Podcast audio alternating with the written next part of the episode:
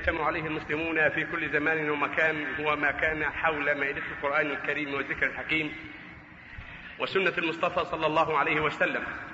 وبين هذا هذا اللقاء الكريم ومن رحاب هذا المسجد الطاهر يطيب لنا ويسعدنا أن يكون ضيف هذه الليلة من أصحاب الفضيلة العلماء صاحب الفضيلة الشيخ الشيخ سعيد القحطاني وصاحب الفضيلة الشيخ يحيى العريسي يحدثان حول ندوة الليلة وموضوعها آفات اللسان. شاكرين لهم باسمكم إجابة الدعوة وتلبية النداء. سائلين الله سبحانه وتعالى أن يفتح عليهما وأن ينفع بهما وأن يجازيهما عنا وعنكم خير الجزاء. ويستهل الندوة مشكورا فضيلة الشيخ سعيد القحطاني لحدثنا عن أهمية هذا الموضوع وخطره. فلا تفضل مشكورا. إن الحمد لله نحمده ونستعينه ونعوذ بالله من شرور أنفسنا وسيئات أعمالنا. من يهده الله فلا مضل له ومن يضلل فلا هادي له. وأشهد أن لا إله إلا الله وحده لا شريك له وأشهد أن محمدا عبده ورسوله صلى الله عليه وعلى آله وأصحابه وسلم تسليما كثيرا. أما بعد أيها الإخوة في الله هذا الموضوع كلنا يعرف خطره وقد بينه النبي صلى الله عليه وسلم بل بينه الله عز وجل ثم بين النبي صلى الله عليه وسلم ما بينه الله عز وجل ذكره الله في كتابه وذكره النبي صلى الله عليه وسلم. وما بين الله أو ما نهى الله عنه ونهى النبي صلى الله عليه وسلم عنه فهو موضوع لا شك حري بالانتباه وحري أن يأخذ الإنسان حذره من هذا الموضوع وهو آفات اللسان والآفة هي ما يهلك الإنسان آفة الزرع حينما يحصد أو يأتيه آفة من السماء وآفة العلم النسيان كما يقال. أما آفة اللسان فهو ما يغضب الله عز وجل. فإذا وقع الإنسان فيما يغضب الله عز وجل من السب والشتم واللعن وغير ذلك مما نهى الله عنه ونهى النبي صلى الله عليه وسلم عنه فهو آفة. ولا شك أن الله عز وجل أنعم على الإنسان بنعم عظيمة لا تعد ولا تحصى. أولها الإسلام. فالإسلام هو أعظم نعمة أنعم بها ربنا سبحانه وتعالى علينا أن جعلنا من المسلمين. ثم هناك نعم أخرى ومنها نعمة النطق باللسان. فالله عز وجل أعطى هذا الإنسان هذا اللسان وأمره أن يستخدمه, يستخدمه في طاعته وبين له أنه مسؤول عن هذا اللسان.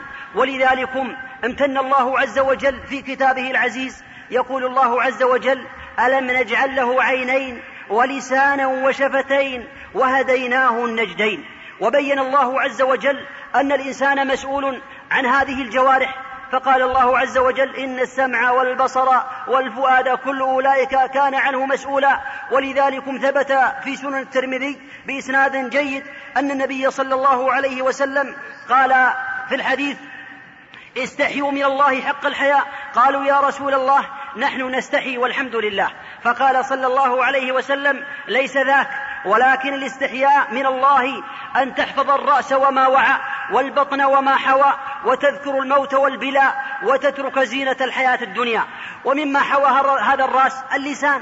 الرأس يحوي العينين والأذنين واللسان. وهذا الرأس قد نهى الله أو قد بين النبي عليه الصلاة والسلام أن حفظه وهو وما يحويه هذا الرأس أو ما يعيه هذا الرأس. فاللسان خطره عظيم. ولذلك بين النبي صلى الله عليه وسلم خطره فقال صلى الله عليه وسلم فيما رواه البخاري ومسلم إن الرجل أو إن العبد ليتكلم بالكلمة ما يظن أن تبلغ أو ما, ما, يلقي لها بالا يرفع الله بها درجات أي من رضوان الله عز وجل. وإن العبد ليتكلم بالكلمة من سخط الله لا يلقي لها بالا يهوي بها في جهنم. وثبت في سنن وثبت كذلك في البخاري ومسلم أن النبي صلى الله عليه وسلم قال إن الرجل أو إن العبد ليتكلم بالكلمة ما يتبين فيها يهوي بها في النار أبعد ما بين المشرق. رواه البخاري ورواية مسلم يهوي بها في النار أبعد ما بين المشرق والمغرب وفي رواية المسلم ينزل بها في النار. وروى الترمذي كذلك بإسناد جيد أن النبي صلى الله عليه وسلم قال إن العبد ليتكلم بالكلمة لا يرى لها باسا أو لا يرى بها باسا يهوي بها سبعين خريفا في النار. وهذا أمر خطير.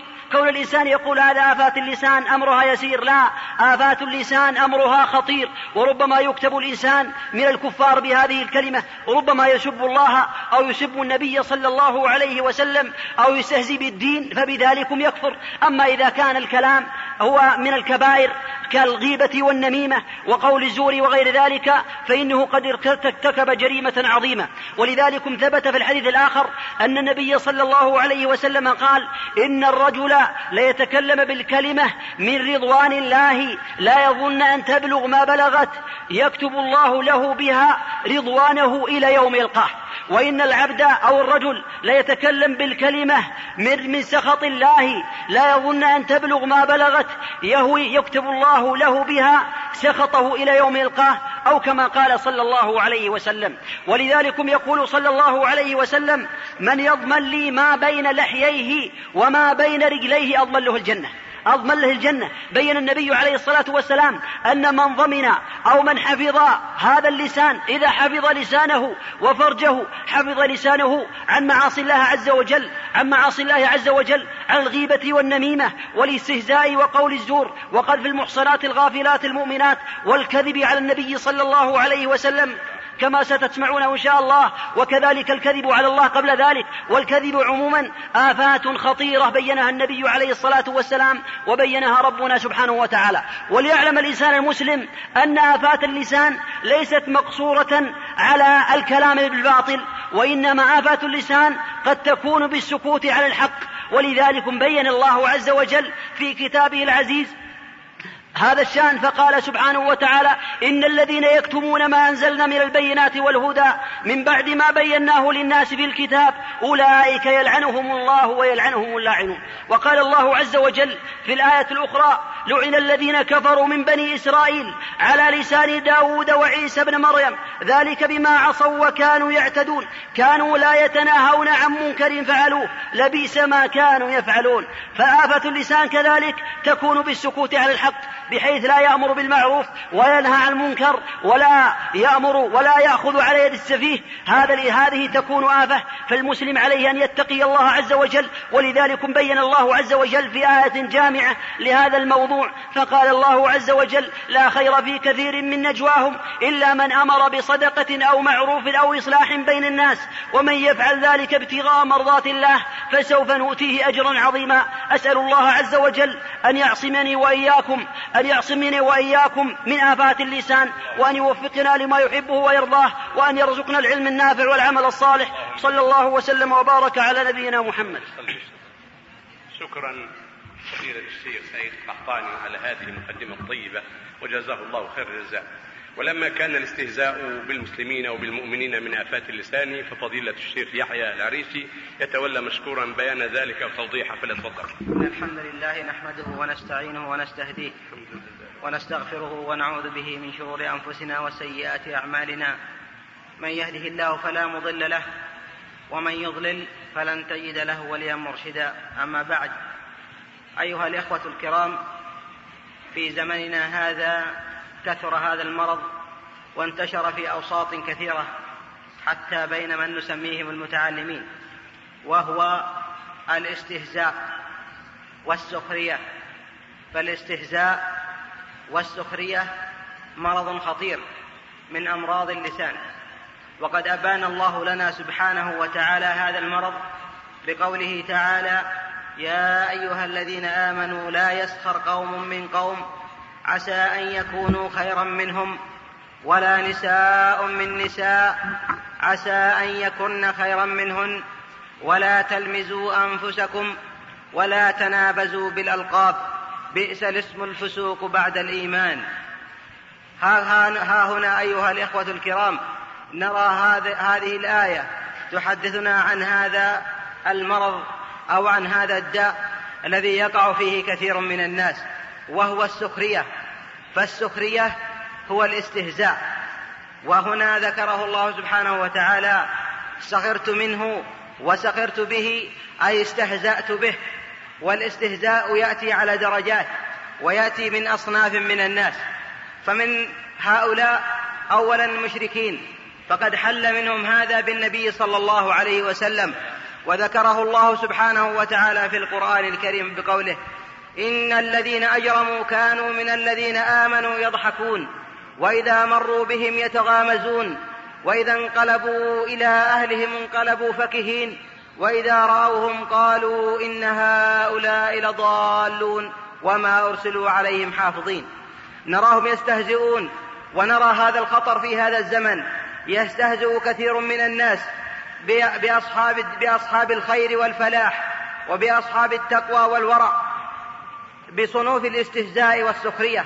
وهذا الداء إنما قد أخرج أولئك من دين الله سبحانه وتعالى. وقد يحل يرحمك الله. وقد يحل بنا ما حل بهم. فالله سبحانه وتعالى قال في, في تتمة هذه الآية التي مرت فاليوم الذين آمنوا من الكفار يضحكون على الأرائك ينظرون.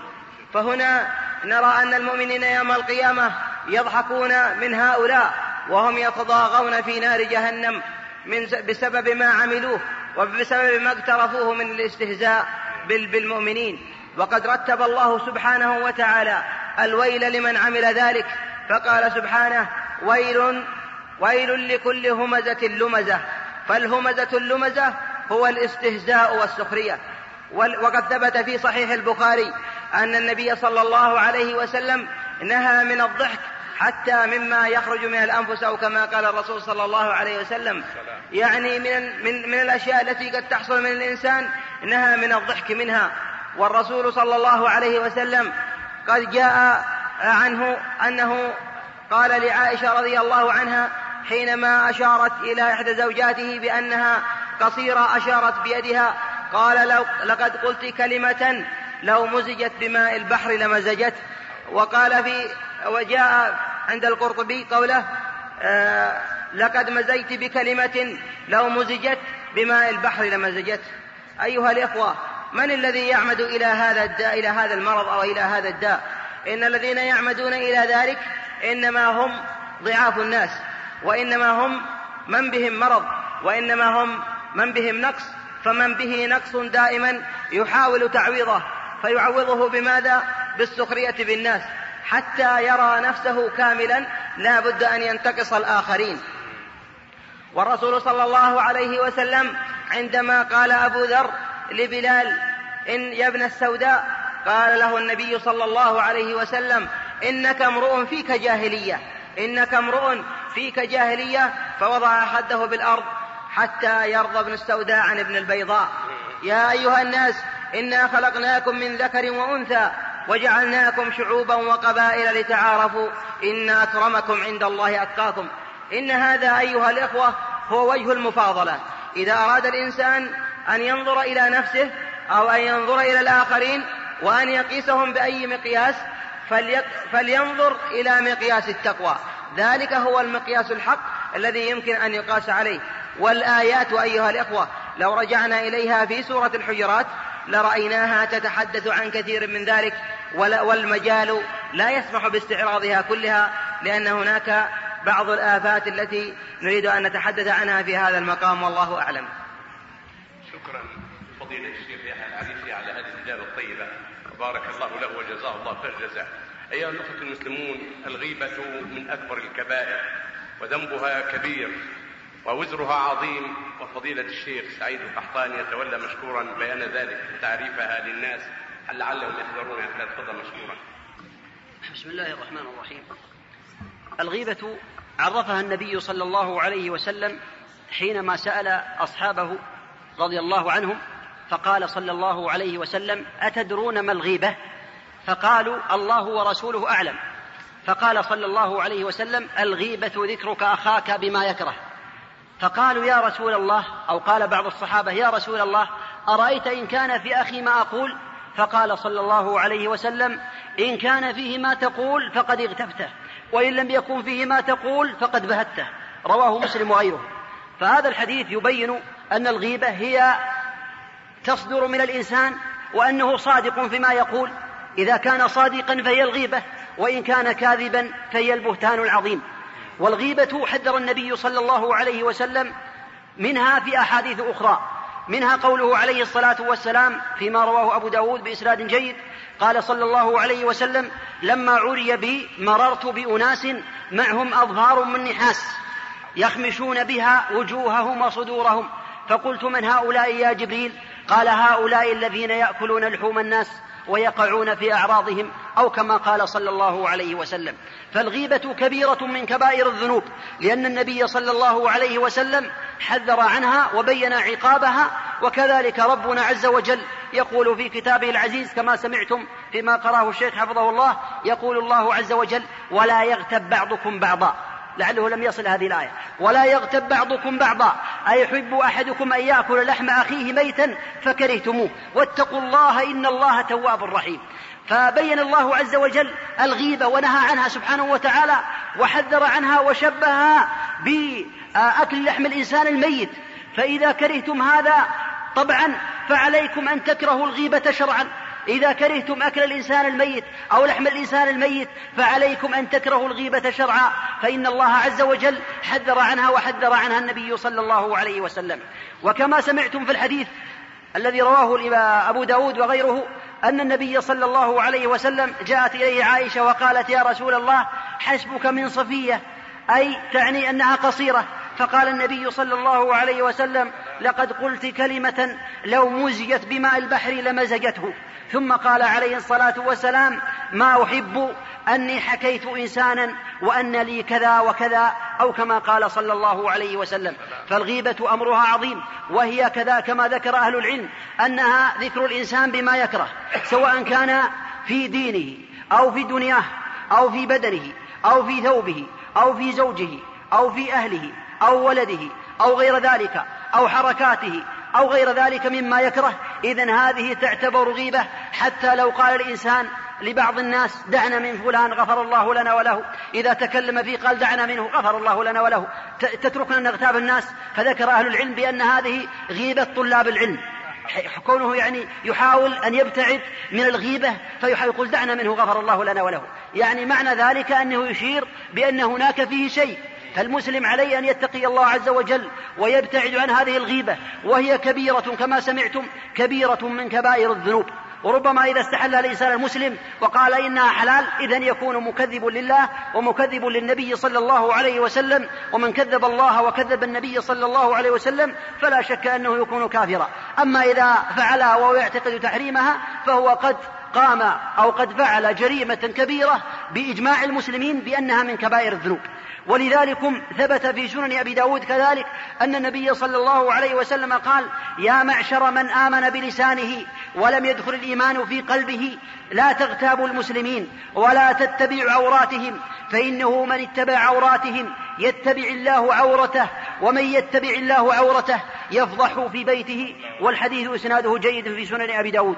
كذلك ثبت في سنن أبي داود كذلك أن النبي صلى الله عليه وسلم قال من أكل برجل مسلم أكلة أطعمه الله مثلها في جهنم ومن كسي برجل مسلم ثوبا كساه الله مثله في جهنم ومن قام برجل مسلم مقام سمعة ورياء قام الله به مقام سمعة ورياء يوم القيامة. والحديث كذلك إسناده جيد. معنى ذلك أن الرجل إذا تقرب للناس إذا كان هناك رجلا من الكبراء أو الأمراء أو الوزراء ثم جاء إليه بغيبة إنسان مسلم يحاول أن ينتهك من عرضه وينقص من حقه ثم أطعم بسبب هذه الغيبة وأعطي مالا فإنه يطعمه الله عز وجل. كما في هذا الحديث طعمة في النار أعاذنا الله وإياكم من النار. وإن كسي ثوبا أعطي ثوبا أو أعطي فإن الله عز وجل يكسوه مثله في جهنم. وإن كان يريد أن ينقص من حق هذا الإنسان المسلم وأن يصغره في أعين الناس لكي يحتقر دائما ويكون دائما ذليلا في أعين الناس. فإن الله عز وجل يفضحه يوم القيامة على رؤوس الأشهاد لأنه فضح الإنسان المسلم. والنبي صلى الله عليه وسلم يقول في الحديث الصحيح من ستر مسلما ستره الله في الدنيا والآخرة أو كما قال صلى الله عليه وسلم. فالمسلم عليه أن يبتعد عن الغيبة والغيبة لها دوافع. هذه الغيبة لها دوافع لها أسباب. لماذا يغتاب المسلمين؟ من هذه الدوافع الحسد. إذا رأى أن الرجل قد فاقه في العلم أو فاقه في المال أوفاقه في محبة الناس فإنه يحب أن ينقص من قدره عند الناس يحسده على هذه النعمة التي أنعم الله به عليه بها عليه فيحسده ثم ينقل الغيبة ويتتبع عوراته كما سمعتم فيتتبع الله عورته يتتبع عوراته ليحاول أن ينقص من عرضه أو ينقص من قدره عند الناس والحسد هو جريمة عظيمة أخرى كما بينها الله عز وجل وهي من صفات اليهود ومن صفات النصارى ومن صفات الشيطان ومن صفات العصاة. أم يحسدون الناس على ما آتاهم الله من فضله؟ فقد آتينا آل إبراهيم الكتاب والحكمة وآتيناهم ملكا عظيما. كذلك هي من صفات العصاة ومن صفات الشياطين. فإذا حسد الإنسان المسلم أخاه المسلم فليعلم بأن إيمانه ناقص. عنده نقص في الإيمان لأنه لا يحسد في الغالب ويستمر على الحسد. إلا إنسان ناقص الإيمان ضعيف الدين وضعيف العقل. أما الإنسان المسلم إذا كان مؤمنا بالله عز وجل ويحافظ على طاعة الله فإنه إذا وجد ذلك من نفسه فإنه يدافع عن يدافع يدفع هذه هذا الحسد ويدعو للمحسود يدعو له في سجوده حتى يدعو له في سجوده. إذا رأى أن الشيطان قد غلب على عقله غلبه على عقله فإنه يدعو له. إذا هذه علامات من علامات الإيمان الكامل أنه يدعو لأخيه المحسود. إذا رأى أنه تطرق إليه شيء فإنه يدعو له وبذلكم لا يؤثر عليه الحسد إن لم يؤذيه بلسانه ولا بلسانه ولا بيده ولا بجوارحه. فالإنسان المسلم عليه أن يبتعد عن الغيبة فإنها جريمة من الجرائم ومصيبة من المصائب. وكبيرة من كبائر الذنوب نسأل الله عز وجل أن يعافينا وإياكم منها ومن جميع ما يغضبه سبحانه وتعالى وإنه لا ينجو من الغيبة إلا من عصم الله عز وجل. يعني لو نظر الإنسان حتى المتكلم لو نظر الإنسان هل ينجو من الغيبة ربما يقع فيها وهو لا يدري ولا حول ولا قوة إلا بالله. وصلى الله وسلم وبارك على نبينا محمد. أكرر الشكر لفضيلة الشيخ سعيد القحطاني على هذه الإجابة الطيبة. وبارك الله له وجزاه الله خير الجزاء. أيها الأخوة المسلمون شهادة الزور حدثوا عنها ولا حرج ولقد كان رسول الله صلى الله عليه وسلم متكئا في جلسة فاعتدل من أجل أن ينبه الناس إلى عظم خطر شهادة الزور وفضيلة الشيخ يحيى العريسي يتولى مشكورا بيان ذلك وتوضيحه تفضل. بسم الله الرحمن الرحيم. أيها الإخوة الأعزاء تساهل الناس في هذا الزمن بقضية الشهادة. وأصبح الواحد منهم إذا جاء يمكن يأتي إلى المحكمة بدون شهود ثم يأخذ أي واحد من الطريق معرفة أو غير معرفة أو يعرفه بنفسه ثم يجره هاب لحق إنسان. وقد يكون فيها باطل الله أعلم به وما يبيته لصاحبه. وهذا الأمر العظيم الزور وهو الميل عن الحق إلى الباطل وهو إذهاب حقوق الناس بسببه أمر عظيم. الله سبحانه وتعالى أبانه في كتابه والنبي صلى الله عليه وسلم حذر منه كل التحذير. فالله سبحانه وتعالى قال في كتابه الكريم فاجتنبوا الرجس من الأوثان واجتنبوا قول الزور. انظروا إلى هذه الآية أيها الإخوة الأعزاء حينما قال النبي صلى الله عليه وسلم فيها عدلت شهادة الزور الإشراك بالله. عدلت شهادة الزور الإشراك بالله. ثم تلا هذه الآية فاجتنبوا الرجس من الأوثان واجتنبوا قول الزور. فلماذا حرم الإسلام هذه الشهادة؟ ولماذا عدلها بالشرك؟ والشرك كما تعلمون أنه أعظم ذنب عصي الله به وأن الله سبحانه وتعالى يغفر الذنوب جميعا إلا الشرك. إن الله لا يغفر أن يشرك به ويغفر ما دون ذلك لمن يشاء. ثم إنه يقرن الله سبحانه وتعالى الزور في هذه الآية بالإشراك بالله. ما قرنه بذلك إلا لخطره وإلا لأهميته وإلا لأن الناس قد يقعون فيه عن عن عن عمد أو غير عمد. فعن غير العمد أن الإنسان قد يتساهل بالشهادة. فيقول له أخيه تعال معي لتشهد فلا يسأل. ما الشهادة؟ ما نوعها؟ على من أشهد؟ أرض لمن؟ كم طولها؟ أي كم؟ ما هي حدودها؟ هذه كلها لا يسأل عنها لأنه قريبه أو لأنه معرفته فيشهد معه. وهذا وهذا حرام. حرام كل الحرام. والنبي صلى الله عليه وسلم قال في الحديث الصحيح عنه ألا أنبئكم بأكبر الكبائر؟ قالوا بلى يا رسول الله. قال الإشراك بالله وعقوق الوالدين. وهذا الأمر معروف عند الصحابة معلوم وكان صلى الله عليه وسلم متكئا فجلس. لماذا جلس النبي صلى الله عليه وسلم؟ لأهمية هذا الموضوع ولخطره. ولتساهل الناس به ثم أخذ يردد صلى الله عليه وسلم ألا وشهادة الزور ألا وقول الزور ألا وشهادة الزور ألا وقول الزور فما زال يكررها صلى الله عليه وسلم حتى قلنا ليته سكت لم يقل الصحابة الكرام رضي الله عنه ذلك لأنهم سئموا من كلامه صلى الله عليه وسلم وإنما قالوا ذلك إشفاقا عليه لما رأوا من حدته ولما رأوا من تأثره بهذا الموقف الذي قد يقع الناس فيه أيها الإخوة الكرام كل واحد منا ينبغي له أن يراجع نفسه في, في هذا الموضوع خاصة. لماذا حرمه الإسلام؟ إنما حرمه الإسلام لأن الإسلام يدعو إلى الإخاء وهذا أكبر عون للشيطان على إزالته. الله سبحانه وتعالى يقول إنما المؤمنون إخوة. فإذا رأى الإنسان هذا الذي اقتضع ماله وذلك الذي شهد عليه هل ستبقى له محبة في نفسه؟ أبدا إنها ستزول. ونبينا صلى الله عليه وسلم قال والله لا تدخلوا الجنة حتى تؤمنوا ولا تؤمنوا حتى تحابوا. ألا أدلكم على شيء إذا فعلتموه تحاببتم؟ أفشوا السلام بينكم. وهؤلاء يفشون الزور بينهم. هل هذا طريق إلى الإخوة وإلى المجتمع المسلم وإلى التكاتف والتآخي؟ لا والله. ولذلك وإن الله سبحانه وتعالى وصف عباده المؤمنين بالوصف الطيب بالوصف القيم بالوصف البين الواضح بأنهم لا يشهدون الزور. قال تعالى والذين لا يشهدون الزور وإذا مروا باللغو مروا كراما.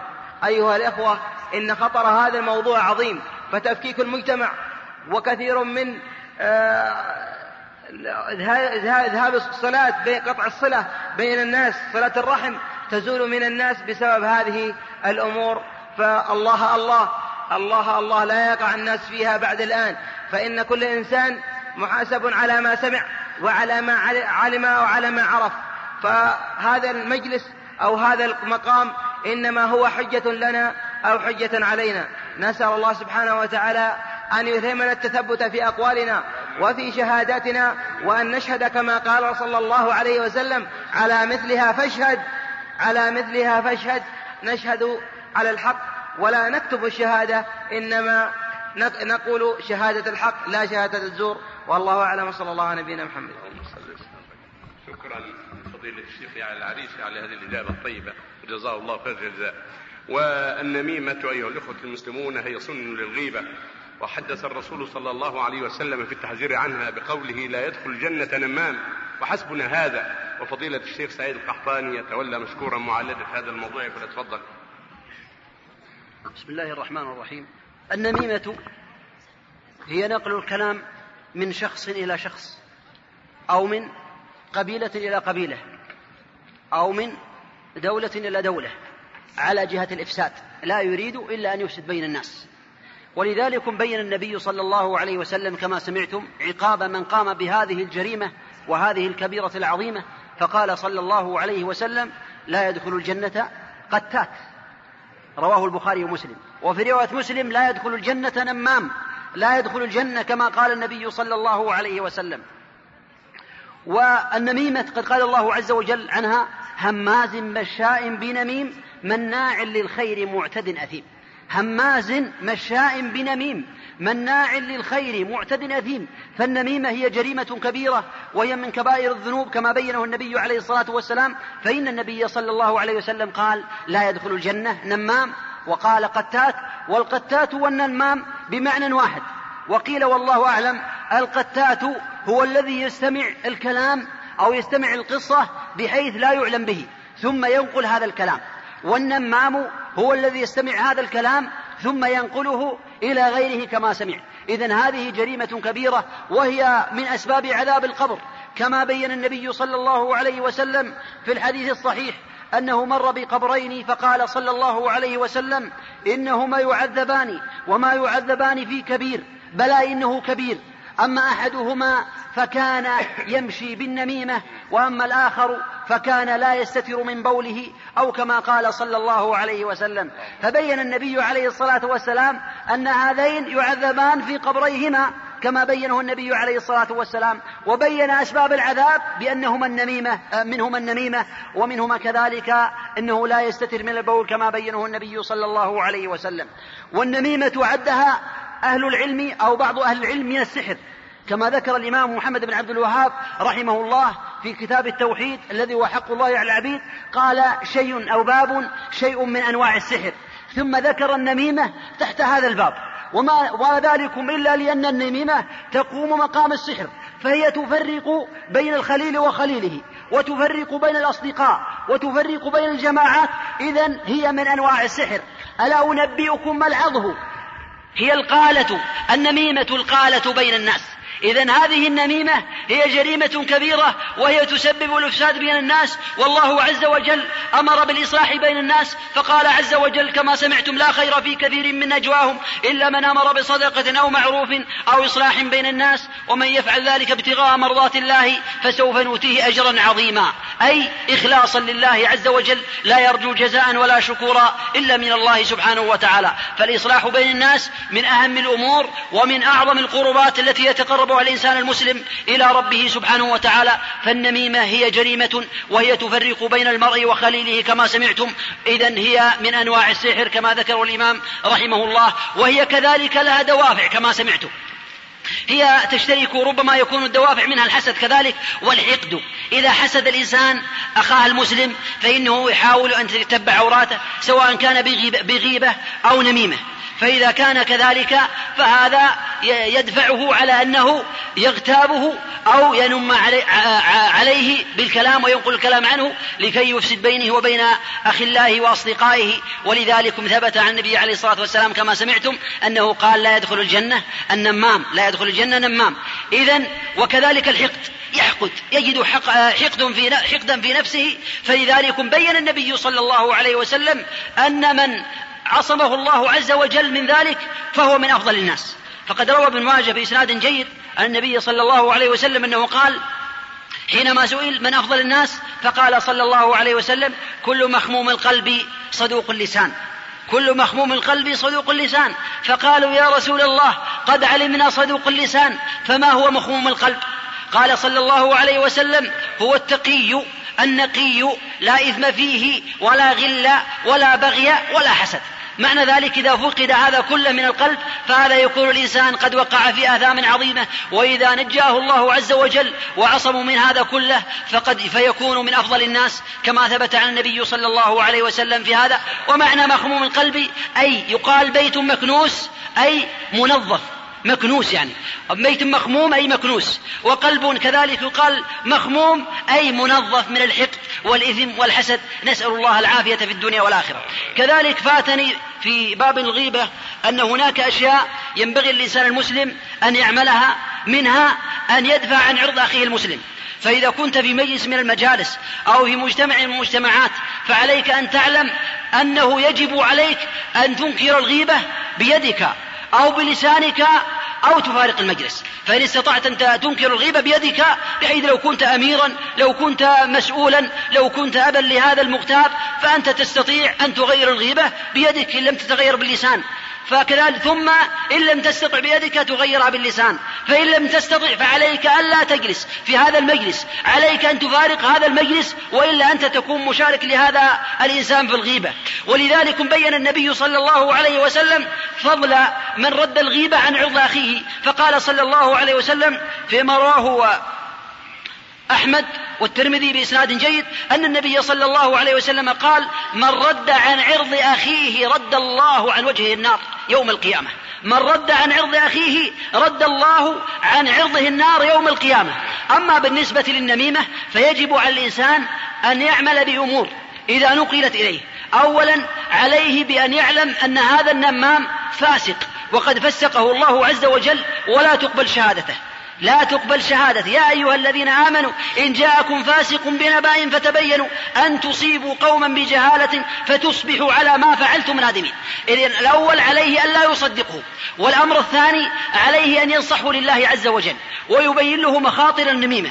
والأمر الثالث عليه أن يبغضه في الله عز وجل لأن هذا يجب بغضه في الله عز وجل على حسب معصيته. فهناك إنسان قد يبغض من ناحية ويحب من ناحية أخرى فيبغض لمعصيته إن لم تبلغ به إلى الكفر ويحب على إيمانه وعلى توحيده وعلى ما يقوم به من أعمال طيبة. إذا عليه أن يبغضه في الله عز وجل لأنه فاسق ولأنه عصى الله وعصى النبي صلى الله عليه وسلم. الأمر الرابع عليه ألا يظن بأخيه السوء. يا أيها الذين آمنوا اجتنبوا كثيرا من الظن إن بعض الظن إثم. ما دام إنه فاسق فكيف يصدق؟ إذا هذا ظن عليك ألا تظن بأخيك المسلم إلا خيرا. كذلك الأمر الخامس عليك ألا تتجسس. تتجسس عن هذه الغيبة النميمة. تقول هل هو صحيح وترسل من يبحث لك عن الأمر؟ هل هذا الأمر وقع؟ إذا هذا أمر قد نهانا الله سبحانه وتعالى عنه ونهانا النبي صلى الله عليه وسلم عنه.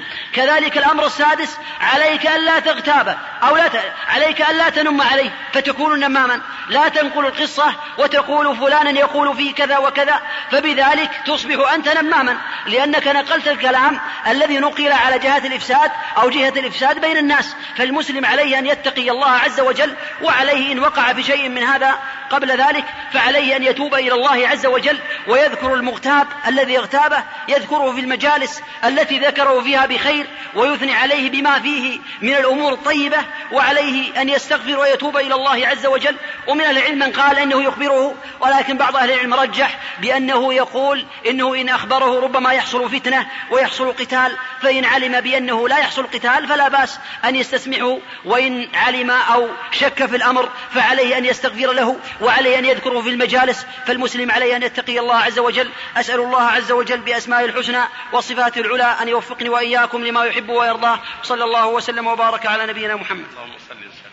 شكرا فضيلة الشيخ سعيد قحطاني على هذه الإجابة وبارك الله له. أيها الأخوة المسلمون آفات اللسان كثيرة متعددة أكثر من أن تحصى وتعد ومنها الكذب. وهل يكب الناس على وجوههم في جهنم إلا حصائد ألسنتهم؟ وفضيلة الشيخ يحيى العريشي يتولى مشكورا معالجة هذا الكذب فليتفضل مشكورا. بسم الله الرحمن الرحيم. أيها الإخوة الأعزاء الكذب هو نقل الكلام أو قول الكلام المخالف للواقع. كل كلام مخالف للواقع يسمى كذب. وهذه الآفة ليست من صفات المؤمنين الصادقين وهي وهي درجات فمنها ما استحق عليه الإنسان اللعنة كما قال سبحانه وتعالى في كتابه الكريم ألا لعنة الله على الكاذبين؟ وقال سبحانه وتعالى قتل الخراصون والخراص الكذاب. وهذه من أبشع ال ال ال الآفات التي يقع فيها الإنسان. وهذه الآفة أبانها النبي صلى الله عليه وسلم بقوله أربع من كن فيه كان منافقا خالصا. ومن كانت فيه خصلة منهن كانت فيه خصلة من النفاق حتى يدعها. إذا حدث كذب وإذا وعد أخلف وإذا اؤتمن خان وإذا عاهد غدر وفي رواية وإذا خاصم فجر. فالكذب أيها الإخوة ليس من صفات المسلم. والرسول صلى الله عليه وسلم حينما سئل عن المؤمن يجبن عن المؤمن يبخل عن المؤمن كذا حتى وصل المؤمن يكذب فقال صلى الله عليه وسلم لا.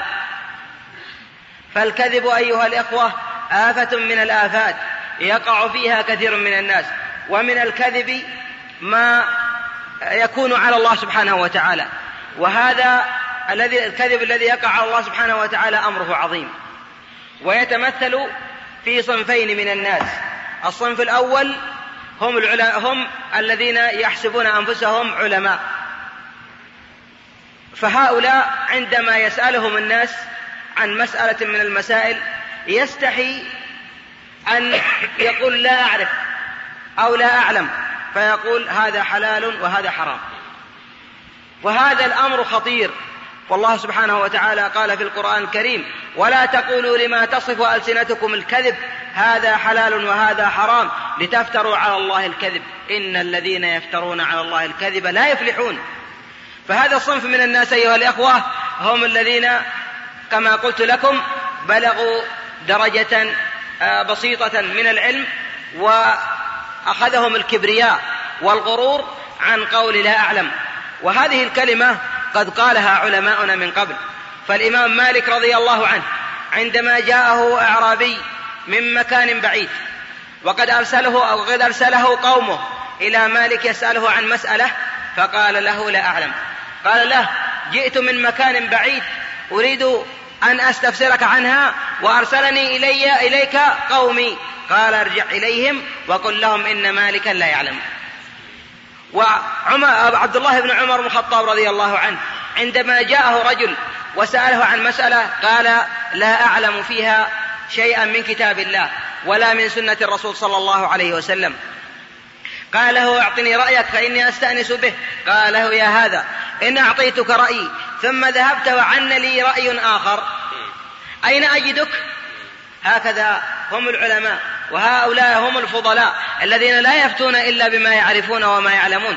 وقد كان الصحابة الكرام يتدافعون الفتيا مخافة أن يقعوا في محرم أو يقعوا في شيء ما أراده الله سبحانه وتعالى.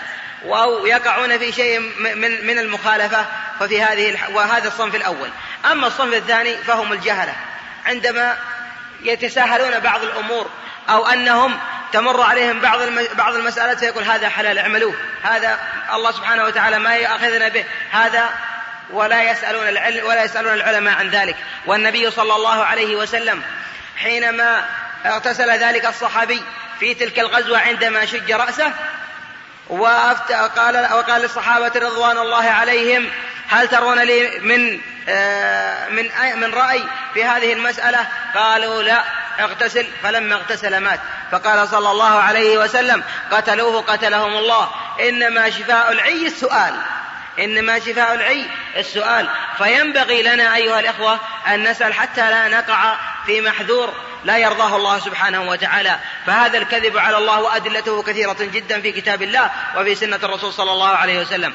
أما الكذب على النبي صلى الله عليه وسلم فهي كذلك تتمثل في وضع الحديث.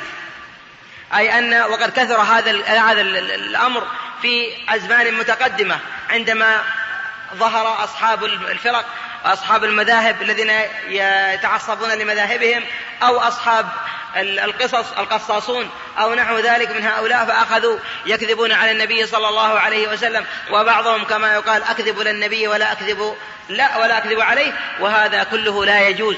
والنبي صلى الله عليه وسلم قال في الحديث المتواتر من كذب علي متعمدا فليتبوأ مقعده من النار. وقال صلى الله عليه وسلم إن كذبا علي ليس ككذب على أحدكم. وهنا ينبغي للمسلم أن لا يكذب على النبي صلى الله عليه وسلم.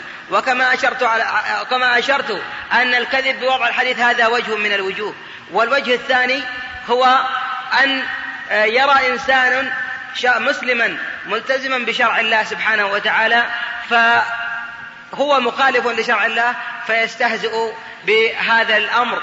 مثلا كاللحية أو تقصير الثوب أو نحو ذلك من سنة المصطفى صلى الله عليه وسلم هذا كذب على النبي صلى الله عليه وسلم لأنه عندما يعمل ذلك إلى ذلك معناه أن النبي لم يعمله وأن النبي صلى الله عليه وسلم لم يقله وأن النبي صلى الله عليه وسلم آه، هذا وهذا وهذا أقل شيء فإن كان استهزاء آه، استهزاء بهذا فهو من النفاق الاعتقادي الذي قال فيه النبي صلى الله عليه وسلم آه، في النفاق ينقسم كما قلنا قسمين نفاق عملي ونفاق اعتقادي والنفاق العملي ما ذكرناه. والنفاق الاعتقادي هو تكذيب الرسول أو تكذيب بعض ما جاء به الرسول أو الاستهزاء بشيء مما جاء به الرسول.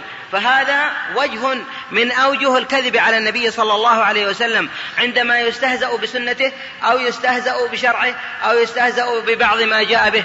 وخطر الكذب على النبي صلى الله عليه وسلم ليس بالأمر الهين كما مر في الحديث إن كذبا علي إن كذبا علي ليس ككذب على أحدكم. هذا والله أعلم وصلى الله على نبينا محمد. شيخ العريش على هذه الإجابة الطيبة. وبارك الله له وجزاه الله خير الجزاء. وبقي من آفات اللسان الشيء الكثير ومنها بذاءة اللسان والعياذ بالله نسأل الله العافية. وفضيلة الشيخ سعيد القحطاني يتولى مشكورا بيان ذلك التوضيح بسم الله الرحمن الرحيم. بذاءة اللسان بينها النبي صلى الله عليه وسلم ونهى عنها بقوله صلى الله عليه وسلم في المؤمن ليس المؤمن بالطعان ولا باللعان ولا الفاحش ولا البذيء. فهذا الحديث ثبت عنه صلى الله عليه وسلم وأن من صفات الإنسان المسلم الذي يرجو الله عز وجل واليوم الآخر الكامل كامل الإيمان أنه لا يكون فاحشا ولا بذيا ولا لعانا فالفاحش هو الذي يتكلم بالكلام القبيح واللعان هو الذي يلعن وكذلك البذيء هو الذي يتكلم بالكلمات القبيحة. ليس المؤمن بالطعان ولا اللعان ولا الفاحش ولا البذيء. ثم بين النبي صلى الله عليه وسلم بعض ذلك وخاصة في اللعن فقال صلى الله عليه وسلم لعن المؤمن كقتله رواه البخاري وغيره. رواه البخاري وغيره في هذا الأمر قال لعن المؤمن كقتله. فإذا لعن الإنسان المؤمن فهو كأنه قتله نسأل الله العافية. وهذا أمر خطير فإنه إذا لعنه ربما يكون واللعن هو الطرد والإبعاد عن رحمة الله عز وجل. فإذا كان أطلق عليه هذا اللعن وقال أبعده الله عن رحمته سبحانه وتعالى فإنه أمر عظيم وكأنه قتله كما بين النبي صلى الله عليه وسلم والنبي عليه الصلاة والسلام هو الذي قال لعن المؤمن كقتله. ثم بين النبي صلى الله عليه وسلم في الحديث الآخر الذي رواه مسلم يقول صلى الله عليه وسلم لا يكون اللعانون لا يكون اللعانون شهداء ولا شفعاء يوم القيامة. لا يكون اللعانون شهداء ولا شفعاء يوم القيامة. لا يكونون شهداء على الناس يوم القيامة. أو لا يكونون شهداء أو أي, أي لا يرزقون الشهادة في الدنيا. الله أعلم بمراد النبي صلى الله عليه وسلم. لا يكون اللعانون شهداء ولا شفعاء يوم القيامة. أي لا يشفعون في المؤمنين الذين قد ارتكبوا بعض الجرائم ووجب عليهم أو آه، حق بهم بعض العذاب. فإنهم لا يشفعون مع المؤمنين. كما ثبت ذلك ثم بين النبي صلى الله عليه وسلم في أمر آخر بأن هذه اللعنة أمرها خطير. ولذلك سمع امرأة تلعن راحلتها امرأة كانت على راحلتها أمام النبي صلى الله عليه وسلم فقالت حل اللهم لعنها فقال النبي عليه الصلاة والسلام خذوا ما عليها ودعوها فإنها ملعونة. فقال الصحابي كنت أراها أو إني لأراها يعني تسير في الناس لا يتعرض لها أحد لأن النبي صلى الله عليه وسلم قال دعوها. وفي الرواية الأخرى قال خذوا ما عليها أو لا تصحبنا أو لا تصاحبنا ناقة عليها لعنة من الله. فالمسلم هذه ناقة تركها النبي عليه الصلاة والسلام وأمرهم بتركها تحذيرا من اللعن فالمسلم عليه ألا يلعن بعض الناس يلعن زوجته ويلعن أولاده ويلعن بيته ويلعن يعني أقربائه. نسأل الله العافية هذا اللعن يعني قد تكون في لسانه وأصبحت عادة عنده إنه كلما يحزبه أمر يلعن. وهذه مصيبة وليست من صفات المؤمنين كما سمعتم ليس المؤمن بالطعام ولا اللعان ولا الفاحش ولا البذيء.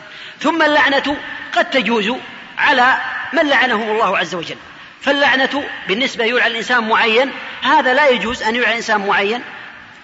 لكن الله عز وجل لعن الكافرين ولعن الظالمين ولعن اليهود ولعن آه العصاة. فالمسلم له أن يقول لعنة الله على الظالمين ولعنة الله على اليهود والنصارى ولعنة الله على المجرمين. كما قال النبي عليه الصلاة والسلام لعن الله من لعن والديه ولعن الله من غير منار الأرض ولعن الله من ذبح لغير الله ولعن النبي صلى الله عليه وسلم أصحاب الكفار أي اليهود؟ قال عليه الصلاة والسلام لعنة الله على اليهود والنصارى اتخذوا قبور أنبيائهم وصالحيهم مساجد أو كما قال صلى الله عليه وسلم فاللعن على العموم بالنسبة للكفار والعصاة والمجرمين لا بأس بذلك. أما اللعن على التعيين لعن الله اليهودي فلان أو لعن الله النصراني فلان الحي أو لعن الله السارق فلان الحي بعينه فهذا لا يجوز لأنه لم يرد عن النبي صلى الله عليه وسلم لعن الشخص بعينه فالمسلم عليه أن يتقي الله عز وجل ولا يلعن إلا من لعنه الله عز وجل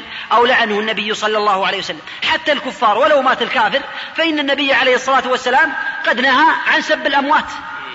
نهى عن سب الأموات صلى الله عليه وسلم قال لا تسبوا الأموات فإنهم قد أفضوا إلى ما قدموا أو كما قال صلى الله عليه وسلم. فكون الإنسان يقتصر ولا يلعن أحدا إلا من لعنه الله عز وجل يعني على وجه العموم كاليهود والنصارى والعصاة وغير ذلك أما كونه يعين فالمسلم بعض الناس يلعن كما سمعتم زوجته وهي مسلمة ويلعن ولده ويلعن أقاربه. معنى ذلك يقول أطردهم أو أبعدهم الله سبحانه وتعالى عن رحمته وهذا لا يجوز فالمسلم عليه أن يتقي الله عز وجل ويبتعد عن اللعن صلى الله وسلم وبارك على نبينا محمد.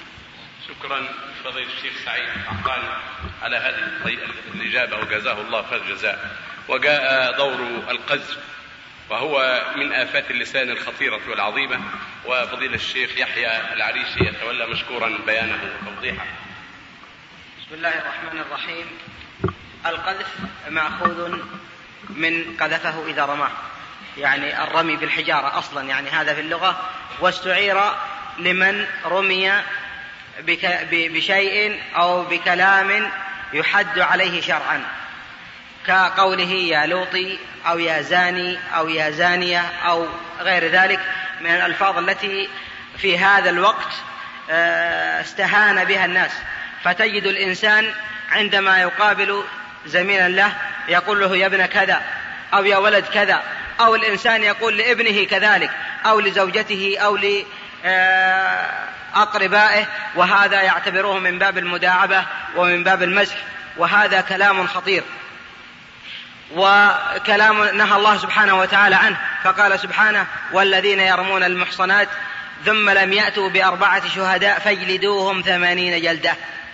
فاجلدوهم ثمانين جلدة ولا تقبلوا لهم شهادة أبدا. فهنا نرى أيها الإخوة أن الذين يرمون المحصنات والمحصن والمحصنة هي والمحصنة والمحصن هما من أحصن نفسه عن الخنا وعن الفساد فجعل نفسه بعيدا عنه وكأنه قد أحصن نفسه أي جعل نفسه في مكان حصين. ثم رماه هذا الإنسان فإذا رمي بمثل ذلك فإنه يستحق عند ذلك هذا هذا الجزاء وهو ثمانين جلدة ثم لا تقبل له شهادة إلا إذا تاب. وفي هذه الحالة أيها الإخوة الأعزاء الله سبحانه وتعالى قد رتب على ذلك. قال إن الذين يرمون المحصنات المؤمنات الغافلات لعنوا في الدنيا والآخرة. لعنوا في الدنيا والآخرة. فرتب الله سبحانه وتعالى على عليها على على على رمي المحصنة اللعنة في الدنيا والآخرة. والنبي صلى الله عليه وسلم قال في الحديث الصحيح اجتنبوا السبع الموبقات. قالوا وما هن يا رسول الله؟ قال الإشراك بالله والسحر وقتل النفس التي حرم الله إلا بالحق وأكل الربا وأكل مال اليتيم والتولي يوم الزحف وقذف, وقذف المحصنات المؤمنات الغافلات. فجعل الله سبحانه وتعالى هذه المصيبة وهذا البلاء مع أعظم الجرائم مع الشرك بالله ومع قتل النفس ومع أكل الربا ومع هذه كلها. ولماذا وضعها الله سبحانه وتعالى إلا لأه... وضعها النبي صلى الله عليه وسلم إلا لأهميتها؟ ولماذا حذر الله سبحانه وتعالى منها إلا لخطرها؟ فما هي أخطار هذا هذا المرض وهذه الآفة. أولا من أخطارها إشاعة الفاحشة. وإشاعة الفاحشة في المجتمع أمر غير مرغوب فيه. والله سبحانه وتعالى قد نهى عنه. ثانيا أنه إذا انتشر إذا انتشرت هذه الآفة وهذا البلاء في المجتمع استهين بالمعصية. ثم أصبحت هينة. وإذا هانت عند الناس هذه المعصية وهي قضية اللواء قضية القذف فإنه عند ذلك قد تعمل. كذلك إن فيها صيانة للمجتمع نفسه فعند ذلك يعيش المجتمع امنا مطمئنا. كيف بي إذا دخلت على امرأة؟ وقد قال فيها فلان أن فيها كذا وقال فلان أنها كذا وقالت فلانه أنها كذا وكذا. عند ذلك فإن الإنسان يصبح في شك منها ويصبح البيت كله متزعزع. بين الزوجة والزوج والأم والبنت والابن ويصبح المجتمع غير المجتمع الذي فيه الثقة التي أرادها الله سبحانه وتعالى أن تكون في المجتمع. ولذلك فقد حذر الإسلام منها ورتب عليها ما علمتم أو ما سمعتم من العقوبة التي يستحق صاحبها الجزاء وهي الجلد وكذلك عدم قبول الشهادة وإعلانه بين الناس حتى يفتضح أمره وحتى لا يهتك سر هذا المجتمع وثقته وأمنه. والله أعلم. شكرا فضيلة الشيخ يحيى العريش. وجزاه الله خير الجزاء. وجاء دور الحلف بغير الله وما أكثر شيوعه في كثير من المجتمعات نسأل الله العافية وفضيلة الشيخ سعيد القحطاني يتولى بيان ذلك التوضيح فليتفضل مشكور. بسم الله الرحمن الرحيم. الحلف بغير الله شرك كما قال النبي صلى الله عليه وسلم من حلف بغير الله فقد كفر أو أشرك. وهو من الشرك الأصغر إن لم يعتقد الإنسان تعظيم المحلوف به كأنه يضر وينفع من دون الله عز وجل فإذا كان اعتقد هذا فهو يكون من الشرك الأكبر الذي يخرجه عن الإسلام إذا حلف به وهو يعتقد أنه ينفع ويضر ويعطي ويمنع ويخفض ويرفع وهذه الصفات لا تكون إلا لله عز وجل. أما إذا كان كما يقول بعض الناس هذا يرد على لساني هذا يلد على لساني وكذا وكذا ولا أقصد به إلا أنه شيء تعودته فهذا الإنسان قد وقع في الشرك الأصغر الذي بينه النبي صلى الله عليه وسلم وهو قوله صلى الله عليه وسلم آه من حلف بغير الله فقد كفر أو أشرك. وقد كان النبي صلى الله عليه وسلم ينهى أصحابه عن ذلك قد أدرك جاء ركب أدرك ركبا فيهم عمر رضي الله عنه فيهم عمر رضي الله عنه وهو يحلف بأبي بأبيه. فناداهم النبي صلى الله عليه وسلم لا تحلفوا بآبائكم من كان حالفا فليحلف بالله أو ليصمت أو كما قال صلى الله عليه وسلم. قال عمر فوالله ما حلفت بغير الله ذاكرا ولا آثرا. أو كما قال رضي الله عنه امتثالا لأمر النبي صلى الله عليه وسلم. فالحلف بغير الله مصيبة عظيمة وجريمة من جرائم الذنوب لأن الشرك الأصغر بعض الناس يظن أنه يسير. هو من كبائر الذنوب. كبيرة من كبائر. الرياء عاد الله وإياكم من الرياء هو شرك من الشرك الأصغر. لكن النبي صلى الله عليه وسلم قد خافه علينا وهو من أكبر الكبائر. نسأل الله العافية. فالمسلم عليه أن لا يحلف إلا بالله كما بين النبي صلى الله عليه وسلم ذلك وحذر عنه